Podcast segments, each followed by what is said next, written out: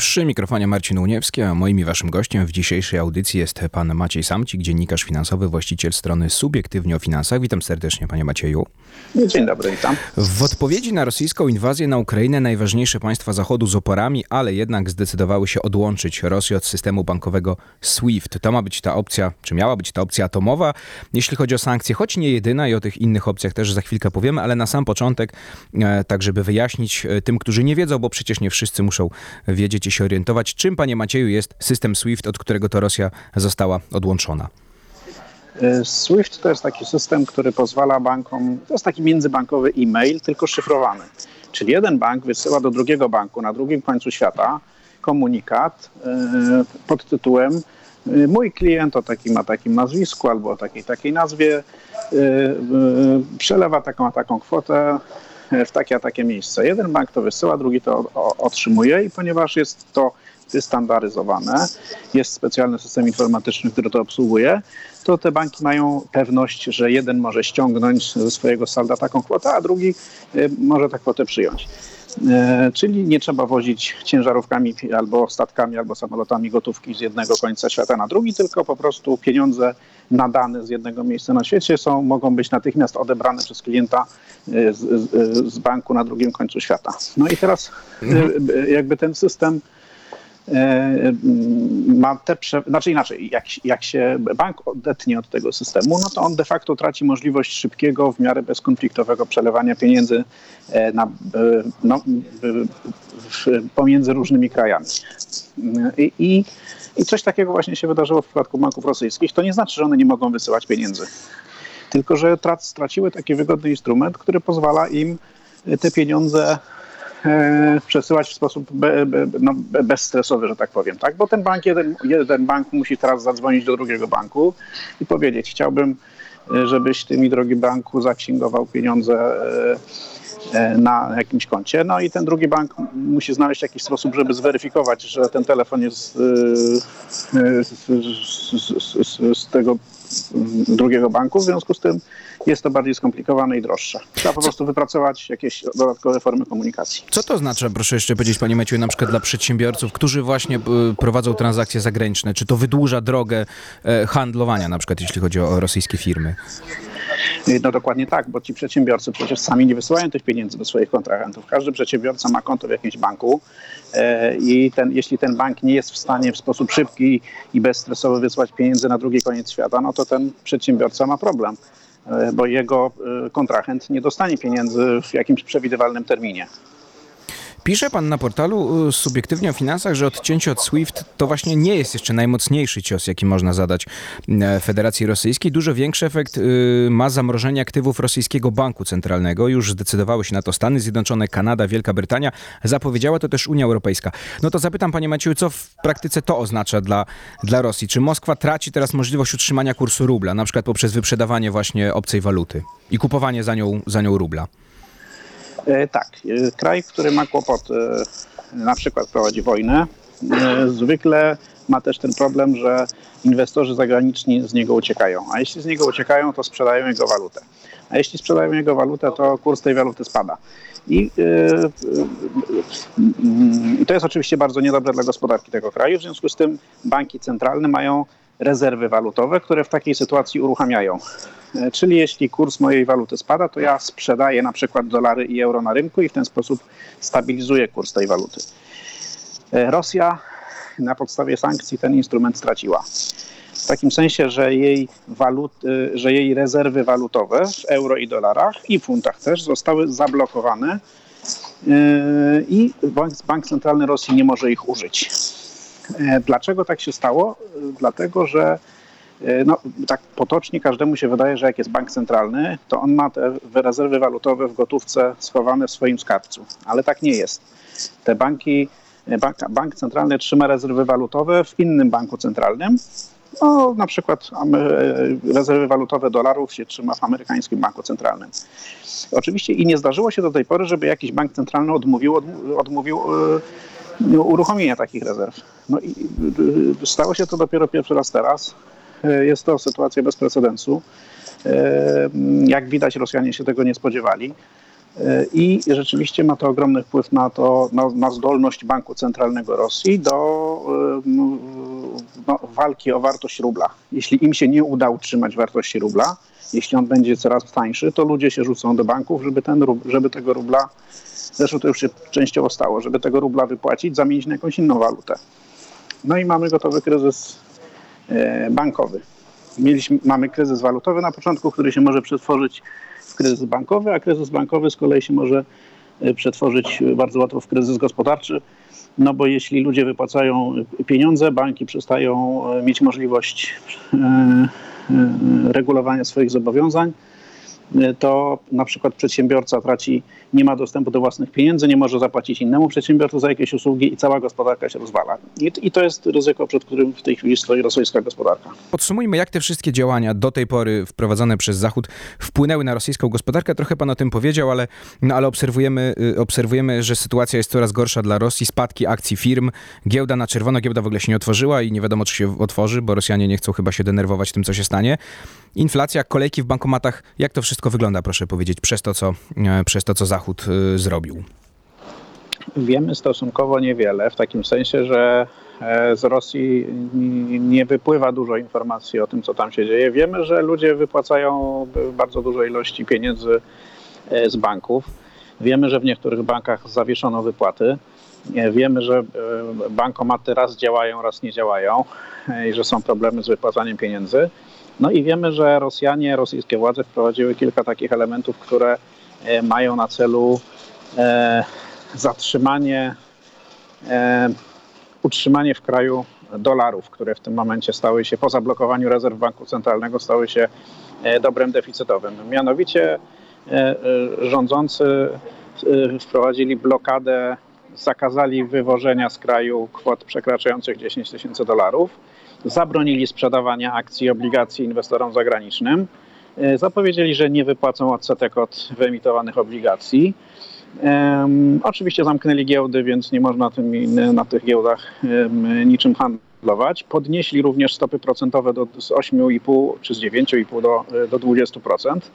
I Rosja jest krajem, w którym e, inflacja wynosi mniej więcej tyle co u nas, czyli około 9%. W związku z tym um, ta podwyżka oznacza, że oprocentowanie roczne depozytów w rosyjskich bankach skoczyło do około 20% właśnie. W Polsce, przypominam, przy podobnej inflacji wynosi 1-2%. E, I to, też taki, to, to jest też taki krok, który ma zatrzymać ludzi e, w bankach. Mm. No i te wszystkie. Y, aha, no i najważniejsza rzecz. Każdy przelew, który przyjdzie z zagranicy do rosyjskiego banku, czy do rosyjskiego przedsiębiorcy, czy do, do, do Rosjanina, ma, w 80% E, musi być przewalutowany na rubla. E, to oznacza, że jeśli e, jakaś firma przyjmuje płatność z zagranicy w dolarach, to ona oczywiście przyjmuje na swoje konto dolary, natomiast 80% tych dolarów musi przewalutować na, na ruble po tym śmieciowym kursie obecnym. W związku z tym można to zinterpretować w taki sposób, że ponieważ rosyjski bank centralny został, ma, zablokowane rezerwy walutowe, to wymyślił, że będziemy, że będzie y, no de facto okradnie, y, okradnie prywatnych właścicieli kont bankowych z dolarów, które tam wpływają. Pozyskuje te dolary po prostu przez obowiązkowe zamienianie ich na, na ruble. No i, mm, no i to w pewnym sensie ratuje sytuację, bo na tym kurs, na, na, na rynku walutowym, tym takim bezgotówkowym, rubel Stracił co prawda 20-25% y, wartości, ale już teraz nie spada, y, ponieważ te pieniądze kradzione y, właścicielom firm i kont bankowych, one, ta automatyczna wymiana tych dolarów na, na ruble powoduje, że się pojawił taki no, stymulowany sztucznie popyt na rubla i mamy de facto taką interwencję walutową, tylko nie, nie przeprowadzaną rękami banku centralnego, tylko no, na podstawie tej kradzieży e, instytucjonalnej. No, no, to, ale to jest oczywiście ten kurs no, dolara bez gotów, czy rubla bezgotówkowego. Tam, gdzie ludzie e, chcą gotówki, tam, gdzie w kantorach e, wymienia się ruble na, na dolary gotówkowe, tam kursy są zupełnie inne. Tam do, rubel, który, dolar, który kosztował jeszcze w zeszłym tygodniu 70, 75, 80 rubli, teraz kosztuje 150, a czasem i nawet 200 rubli. Biorąc pod uwagę, że rosyjska gospodarka w 75% jest uzależniona od importu towarów podstawo, takich podstawowych bieżącego użytku, czyli odzieży, czyli, czyli butów, czyli elektroniki, czyli żywności w dużej części, to oznacza, że te 75% rzeczy po prostu będzie teraz dużo droższe dla Rosjan.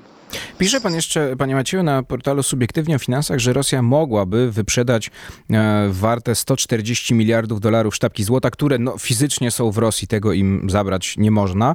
Na ile to jest, proszę powiedzieć, skuteczne? Może być skuteczne, bo pan pisze, że to będzie długotrwałe. Nie jest to, no to nie jest to remedium od razu, prawda, które pomoże. Oczywiście, to jest, po pierwsze trzeba znaleźć nabywcę na to złoto. Rosja ma obecnie ze względu na te rzeczy, które wyczynia w, w Ukrainie, duży problem ze sprzedażą czegokolwiek, co do niej należy. Krążą po, po morzu e, tankowce pełne rosyjskiej ropy, których nikt nie chce kupić. Rosjanie między 30 a 50% tankowców, które krążą e, w tej chwili z rosyjską ropą, nikt nie chce tego kupić. W związku z tym nie ma pewności, że gdyby Rosja chciała sprzedać swoje złoto, to mogłaby to zrobić. E, no i oczywiście wchodziłby w grę taki mechanizm standardowy w przypadku e, e, dużych transakcji. Po pierwsze, jeśli ktoś musi sprzedać i wszyscy o tym wiedzą, że musi, to cena jest nieatrakcyjna. Jeśli musi sprzedać dużo, to cena jest jeszcze bardziej nieatrakcyjna. I w związku z tym tu w pewnym sensie Rosja ma związane ręce, jeśli chodzi o te rezerwy walutowe, rezerwy złota. Gdyby oni mogli je szybko upłynnić, to pewnie by to zrobili. Nie musieliby okradać własnych obywateli i własnych firm, nakazując im automatyczną zamianę e, dolarów na ruble. Proszę powiedzieć, no na ile to jest skuteczne i co jeszcze Rosja może, czy ma jakieś narzędzia jeszcze, żeby próbować się, e, próbować się ratować, czy to jest już wszystko, co, co może robić? No Rosja ma, ma jeszcze w odwodzie swoje relacje z Chinami. Y, może poprosić Chińczyków o jakiegoś rodzaju pomoc. E, i myślę, że to może być e, z ich punktu widzenia ostatnie deska ratunku. Natomiast e, mam wrażenie, że Chińczycy takiej pomocy nie, ule, nie, nie, nie udzielą, ponieważ z punktu widzenia Chin najważniejsze jest to, żeby móc dalej bez zakłóceń handlować z Europą, ponieważ Europa jest głównym klientem na towary chińskie i dzięki handlu z Europą Chiny się bogacą i doganiają Amerykę. W związku z tym Chińczycy nie będą umierać na pewno za Rosję i nie będą E, i nie będą, powodow- i nie będą rozdrażniać Europy i nie będą się narażać na jakiekolwiek sankcje. E, to, co może robić Rosja, to oczywiście jest e, zużywanie swoich aktywów. To jest próba, mogą próbować znaleźć innego klienta na rosyjską ropę, na rosyjską ropę i na rosyjski gaz.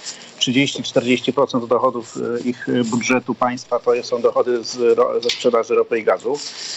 E, I e, e, oczywiście im wyższe są ceny ropy, im wyższe są ceny, są ceny gazu, tym oni na tym więcej zarabiają i to w zasadzie jest, jest, jest ich jedynym ratunkiem na takie bieżące przetrwanie. Natomiast na dłuższą metę kraj, który jest odcięty od technologii, który jest odcięty od wiedzy, który jest odcięty od handlu międzynarodowego, który jest odcięty od kapitału, którego firmy nie są w stanie zaciągać długów za granicą, E, no, musi karłowacieć. Tak, w skrajnym przypadku e, Rosja może się stać krajem, e, no, nie przymierzając trochę podobnym do Korei Północnej, czyli kraju, który jest też izolowany, ma broń jądrową, jest bardzo biedny. I oczywiście przetrwać, przetrwać to przetrwa, natomiast no, jego pozycja międzynarodowa jest żadna. Właściwie wynika wyłącznie z, z tego, że jest mocarstwem atomowym. Teraz pytanie, na ile to oczywiście też wpłynie na, na obywateli mm, Federacji Rosyjskiej. E, wczoraj e, oglądałem w telewizji e, mm, rozmowy z Rosjanami, no i jeden z panów powiedział, mm, że Związek Radziecki przeżyliśmy, to i to przeżyjemy, a druga pani powiedziała, że trzeba wrócić do starej rosyjskiej tradycji, czyli powrotu na działki, tam sadzenia warzyw. Szczególnie, panie Macieju, a y, czy jeszcze Zachód ma coś w rękawie? Pewnie tak, ale jeśli tak, to właśnie proszę powiedzieć, jak jeszcze możemy mm, my jako Zachód uderzyć poza SWIFT-em i poza zamrożeniem aktywów Banku Centralnego Rosji?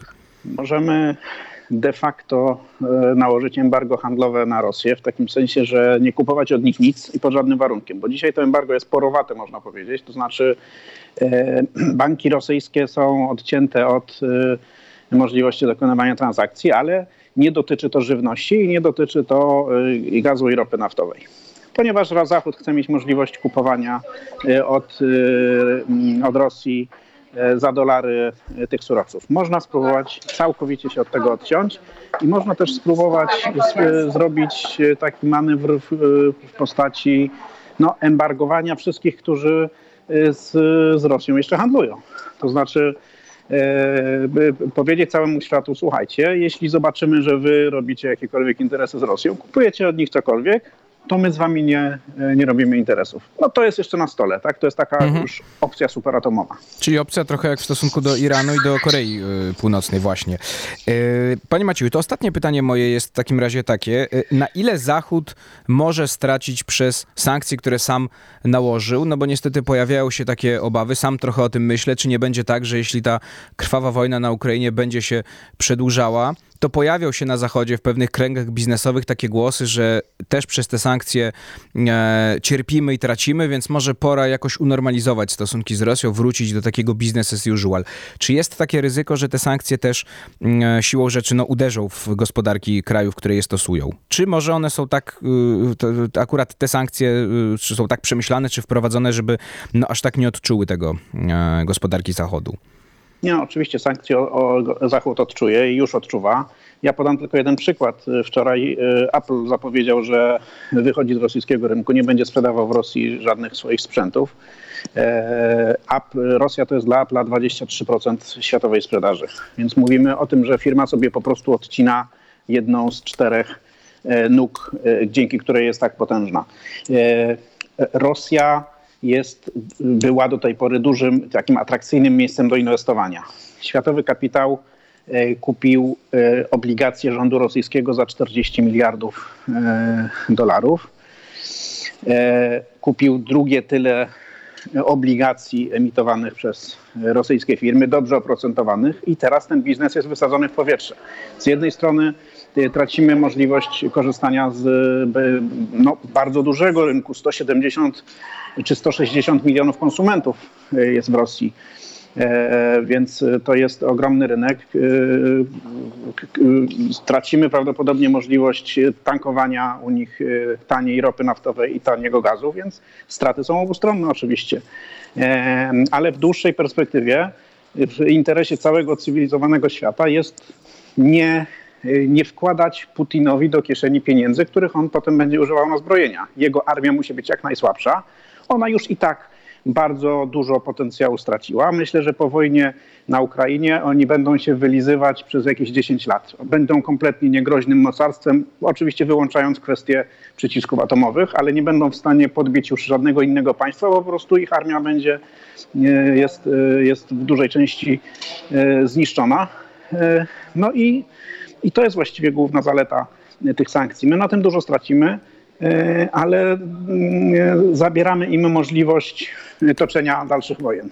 Oby tak było, żeby tych dalszych wojen nie było i oby się nikt nie wyłamał mm, po jakimś czasie z em, tych zachodnich sankcji. Maciej Samcik, dziennikarz finansowy, właściciel strony Subiektywnie o Finansach, był moim i waszym gościem. Bardzo dziękuję panie Macieju za rozmowę.